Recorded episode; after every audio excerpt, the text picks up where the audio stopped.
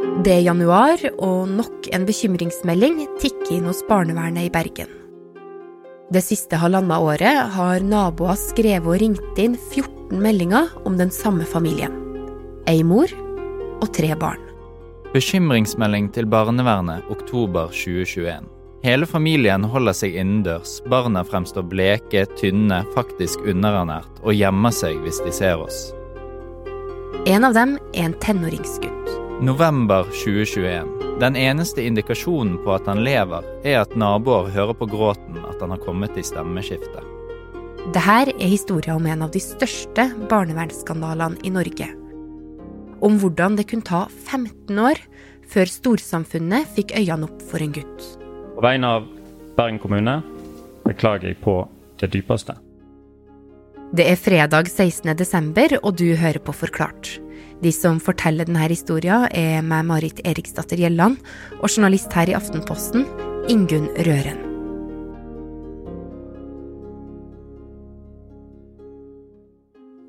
Denne historien den begynner i et eh, ressurssterkt nabolag i Bergen. Med mye eneboliger og rolige gater og mye trær og plener. Og der ble det for rundt 15 år siden født en gutt, og han ble født hjemme. Det var en planlagt hjemmefødsel, en av veldig få planlagte hjemmefødsler. Inn i en norsk familie med to eldre søsken og mor og far. Og vi kan ikke si hva denne gutten heter av hensyn til han, men vi kaller han Mathias. Og Mathias, han, etter at han blir født hjemme, så blir han registrert i folkeregisteret. Og så møter foreldrene på kontroll på helsestasjonen, sånn som alle nyfødte er. Eh, og så langt så er alt helt normalt.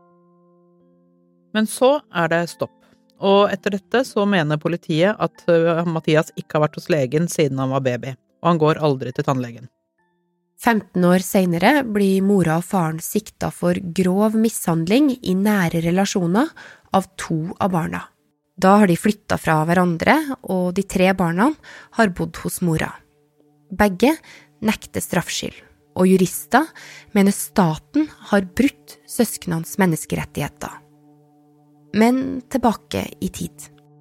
Mens andre barn har vært omgitt av helsepersonell og barnehageansatte og ting der som Lucia og leirskole, har Mathias, som nå har kommet i skolealder, vært hjem med familien i den 84 kvadratmeter store boligen. Han har ikke gått i barnehage eller til obligatoriske timer hos lege og tannlege. Og mens 3000 skolebarn møter opp i skolegården i Bergen med litt for stor sekk og sommerfugler i magen, så er ikke Mathias blant dem. Han er hjem.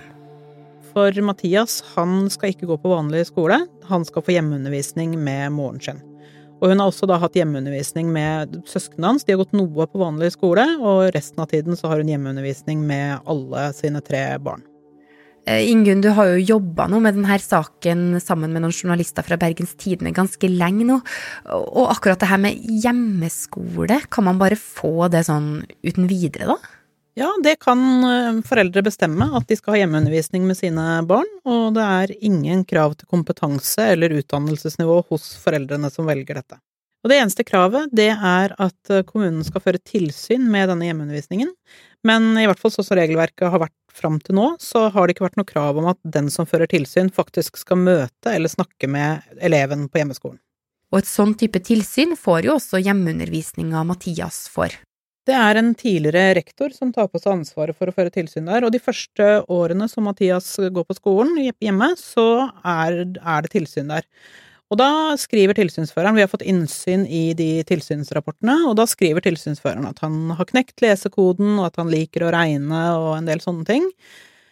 Men hun skriver jo allerede i de første rapportene at hun er bekymret for om disse barna får nok sosial kontakt og nok stimuli utenifra, og bekymret for at de er lite utendørs. Så hun skriver dette i rapporter som sendes til Etat for skole i Bergen kommune. Og de vil ikke svare på Altså, vi har jo spurt dem, og vi har spurt hvorfor de ikke gjør noen ting når hun uttrykker bekymring i rapportene sine, og det vil kommunen ikke svare på. Men etter de tre første årene med hjemmeskole slutter rapportene om tilsyn hjemme hos familien. Kommunen har ingen rapporter etter 2015. Seinere finner politiet noen notater som viser at tilsynsføreren har vært der et par ganger, men de rapportene har ikke kommunen i dag. Og så, når Mathias skal starte på ungdomsskolen, er det omorganisering i Bergen kommune. Og i det arbeidet forsvinner tre barn med hjemmeundervisning fra kommunens system. Mathias er ett av dem.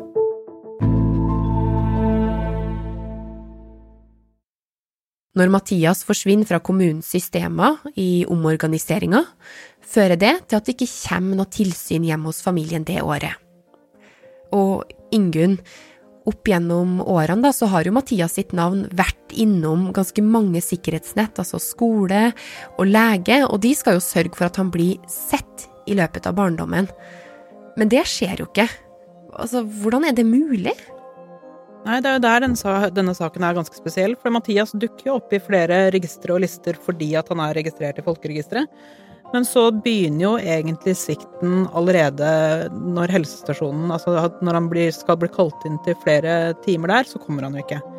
Og da sier foreldrene at han skal bli fulgt opp av privat lege, men det er ingen som sjekker om det stemmer. Og så skjer jo egentlig det samme når det gjelder eh, tannhelsekontroll. Og så forsvinner han jo på en måte ut av altså I og med at han ikke går på vanlig skole og ikke blir sett av alle som er der, av helsesykepleiere og lærere og alle ansatte på en skole, så forsvinner han jo ut der fordi at det bare er delvis tilsyn på denne hjemmeskolen han går på. Så da er han på en måte ute av alt det som skal være samfunnets sikkerhetsnett rundt alle norske barn. Og en annen konsekvens av at Mathias går på hjemmeskole, det er at han aldri blir kalt inn til kontroll hos skolehelsetjenesten, sånn som alle de andre barna blir. Fordi at skolehelsetjenesten, de innkalte på den tiden bare de barna som sto på klasselistene til kontroll. Hm. Så han fordufter egentlig bare fra systemene, da, men hva skjer da med han i årene etter? Nei, det vet vi jo ganske lite om, for det er jo det er ingen fra noen offentlige etater som har kontakt med Mathias i den perioden. I hvert fall ikke sånn at de snakker med han, eller at det er noe aktiv kontakt. Så fram til i 2021, da kommer det en ny eh, tilsynsfører som, eh, som drar på besøk hjemme der, men hun får ikke treffe Mathias. Og moren forklarer til den nye tilsynsføreren at hun ikke har undervist om annet 22. juli, eller handlingene til Philip Manshaus. Og ifølge tilsynsførerens rapport så virker moren overrasket over at hun skal lage læreplaner. Så da oppdager tilsynsføreren at uh, undervisninga ikke helt følger det som en gutt på Mathias' alder skal uh, undervises i. Uh, og hun sender da en rapport til kommunen, og da reagerer de. Kommunen slår fast at hjemmeskolen mora driver, er ulovlig, og Mathias blir flytta til en vanlig ungdomsskole i nærområdet. Men så møter han jo ikke opp der. Og ifølge moren så hører ikke hun noe mer. Men ifølge skoledirektøren i Bergen kommune fulgte skoleetaten kommunens prosedyre for elever som ikke møter til undervisning. De skal etterlyse elever og se til at barna kommer på skolen eller er i posisjon til læring. Men det vi vet, er at Mathias aldri møter opp på denne skolen, selv om det er vedtatt at han skal overføres til vanlig skole. Det her er også årene da korona herjer i Norge. Nedstengninga i rykk og napp gjør at folk generelt er mye mer hjem enn før, også naboene til Mathias og familien, og de begynner nå å bli ganske bekymra. Den første av naboene som varsler, varsler barnevernet i september 2020. Og hun er anonym i det første varselet, for hun synes det er ganske ubehagelig å varsle om egne naboer. Men hun opplyser at eh, hele familien er veldig mye inne, at hun sjelden ser disse ungdommene som de, Mathias og søsknene har blitt ute, og at det er mye bråk og støy, eh, og at de reagerer på at eh, når de en sjelden gang ser dem ute, så virker både Mathias og søsknene veldig engstelige og redde. Barnevernet begynner å undersøke saken, men de finner lite på familien. Det er jo f.eks. ingen tilsynsrapporter fra hjemmeskolen annet enn det før 2015. Samtidig drar de hjem og snakker med familien, men det skal ta ett og et halvt år før noe skjer. Og på de månedene får barnevernet inn 13 nye bekymringsmeldinger fra folk rundt familien. Ja, altså Naboene de, de ringer og varsler flere ganger. Og til slutt så går de sammen, eh, hele styret i sameiet, og sender et eh, felles varsel som styre, i håp om at da kommer noen til å høre på dem. Og i det varselet så skriver naboene blant annet at den eneste måten de vet at Mathias lever på, er fordi de kan høre på gråten at, at han har kommet til stemmeskiftet. Og det her blir jo da enda en melding som barnevernet får om denne familien. Hva gjør de da med alle de her meldingene? Nei, det er jo en del ting her som er ganske vanskelig å få svar på. Vi har stilt spørsmål om dette i flere uker, eh, og kommunen henviser til taushetsplikt. Men det vi vet helt sikkert, er at de er på et hjemmebesøk der og treffer Mathias og søsknene i november 2020. Og det er siste gang som de snakker med Mathias, før politiet henter ham ut av leiligheten over ett år senere. Det er en sånn forblåst eh, vinterdag i Bergen, og da er det, ifølge naboene, så er det bråk fra leiligheten. De hører skrik, det er dunking, eh, og de oppfatter at det er verre enn vanlig. Så da er det en nabo som ringer barnevernvakten igjen, eh, og han har på en måte ett mål, og det er at nå må noen komme. Nå må noen forstå alvoret. Så han insisterer, eh, i hvert fall ifølge det han sier til oss, så insisterer han veldig på at nå må noen komme og se hvordan det faktisk står til med eh, ungdommene som bor i leiligheten sammen med moren sin.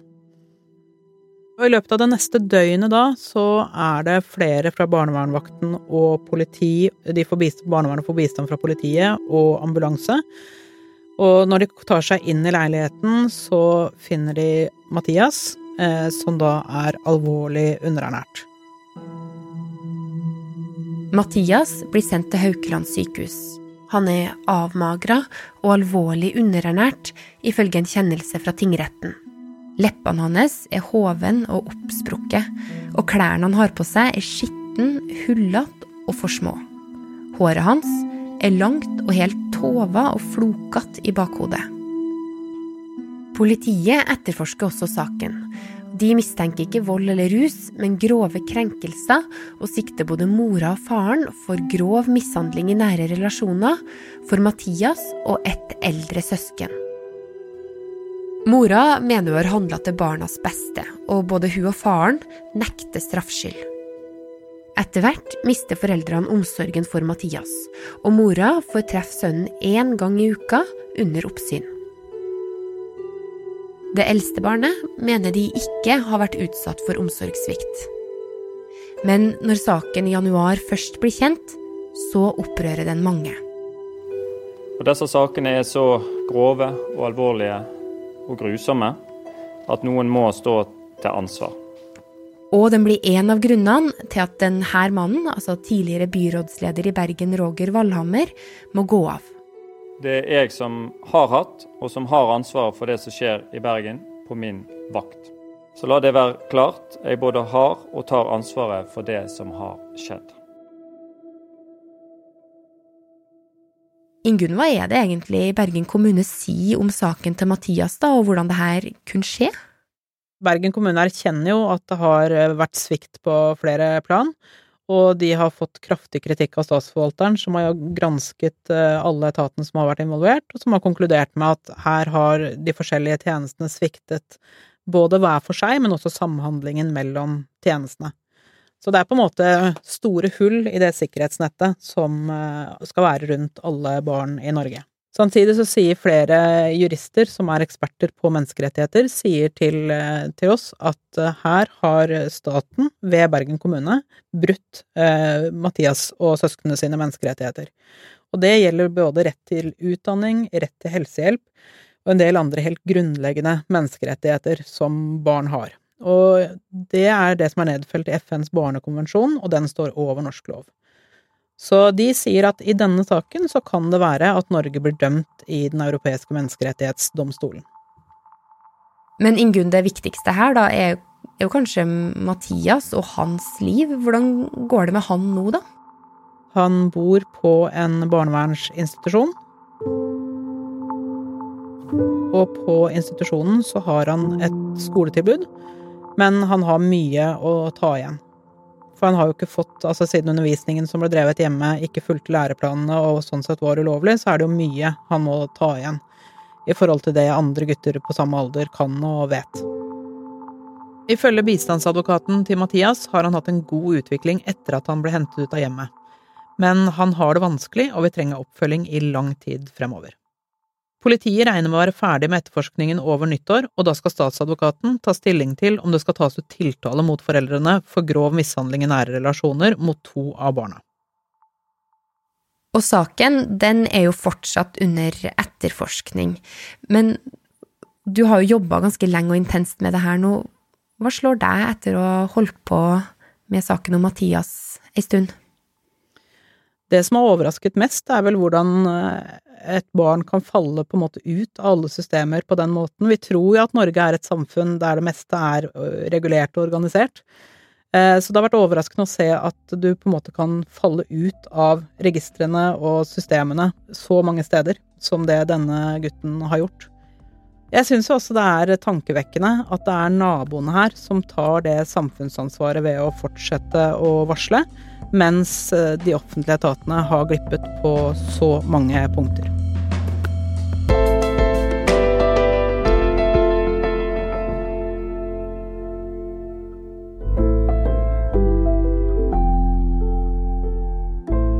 Kommunen erkjenner at det har vært svikt på flere plan, og sier de dessverre ikke kan endre det som har skjedd, men at de nå jobber for å unngå at noe lignende skjer igjen.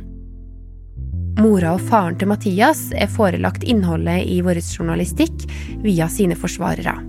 Faren stiller seg uforstående til alt han er sikta for i saken.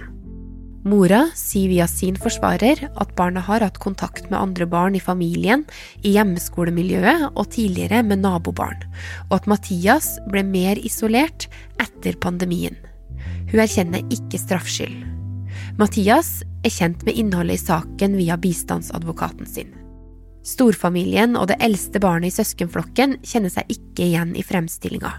Den eldste av søsknene opplyser at den har gått til lege, tannlege og på skole, og mener foreldrene ikke har tatt ulovlige valg. Saken har vært et samarbeid mellom Aftenposten og journalister i Bergens Tidende, Marita Ramsvik og Linda Hilland. I episoden har du hørt lyd fra NRK, egen lyd fra BT-journalist Anna Magnus, og Sondre Myhre lest sitater fra bekymringsmeldinga. Det er Jenny Føland og meg, Marit Eriksdatter Gjelland, som har laga episoden, og resten av Forklart er David Vekoni, Synne Søhol, Fride Nessen Onstad, Anders Weberg og Anne Lindholm.